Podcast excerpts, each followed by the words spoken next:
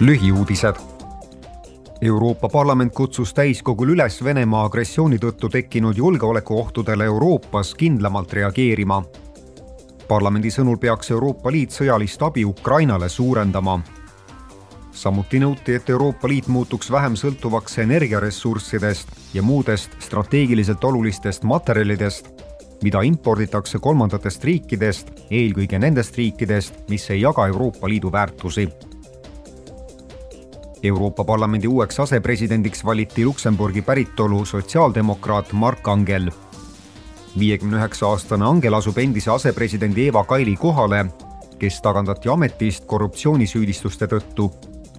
Mark Angel valiti ametisse absoluutse häälteenamusega.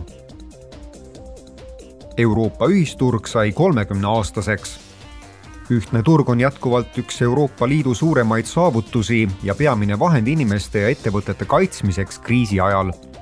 täiskogu istungil võttis parlament vastu resolutsiooni, mis käsitleb tänapäeva Euroopa Liidu ühtse turu pakilisemaid probleeme. parlament nõudis resolutsioonis kahe tuhande kolmekümnenda aasta ja pikemaajalist tegevuskava ning ühtse turu arendamist ja tugevdamist seda eriti valdkondades nagu teenused, energeetika, telekommunikatsioon ja digitaalne ühtne turg. tuhande üheksasaja üheksakümne kolmandal aastal loodud Euroopa Liidu ühtne turg annab viiskümmend kuus miljonit töökohta ja kakskümmend viis protsenti Euroopa Liidu sisemajanduse koguproduktist